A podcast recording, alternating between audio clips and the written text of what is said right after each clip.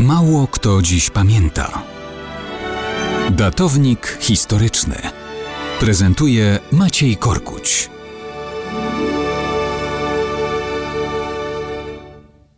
Mało kto dziś pamięta, że w listopadzie 1873 roku w Konstantynopolu urodził się Juri Osipowicz Cederbaum, który w historii zapisał się podobnie jak jego przyjaciel Włodzimierz Lenin pod pseudonimem Lew Martow.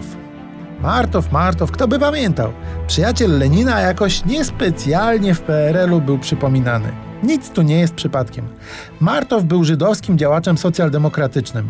Razem z Leninem współtworzyli partię rewolucyjną, wspólnie wydawali organ prasowy Iskra i wspólnie pracowali nad nowymi pomysłami urządzenia świata. Ale w 1903 roku ich drogi zaczęły się rozchodzić. Martowowi nie podobał się leninowski centralizm opartej o wojskową dyscyplinę partii. Nazywał niegdysiejszego przyjaciela dzikusem. Ten z kolei krytykował Martowa za miękkość, nazywając go pobłażliwie Chrystusikiem. Lenin został przywódcą bolszewików, Martow najbardziej aktywnym z przywódców mieńszewickich. Kiedy Martow po rewolucji zobaczył oblicze nowego systemu, komentował wprost – maszyna do zabijania poszła w ruch.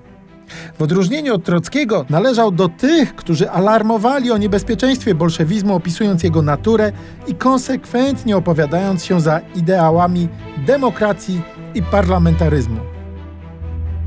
Nic dziwnego, że długo w Rosji miejsca nie zagrzał. W 1920 roku wyjechał na emigrację i chyba słusznie, bo mógłby nie wytrzymać uścisku niegdysiejszego przyjaciela.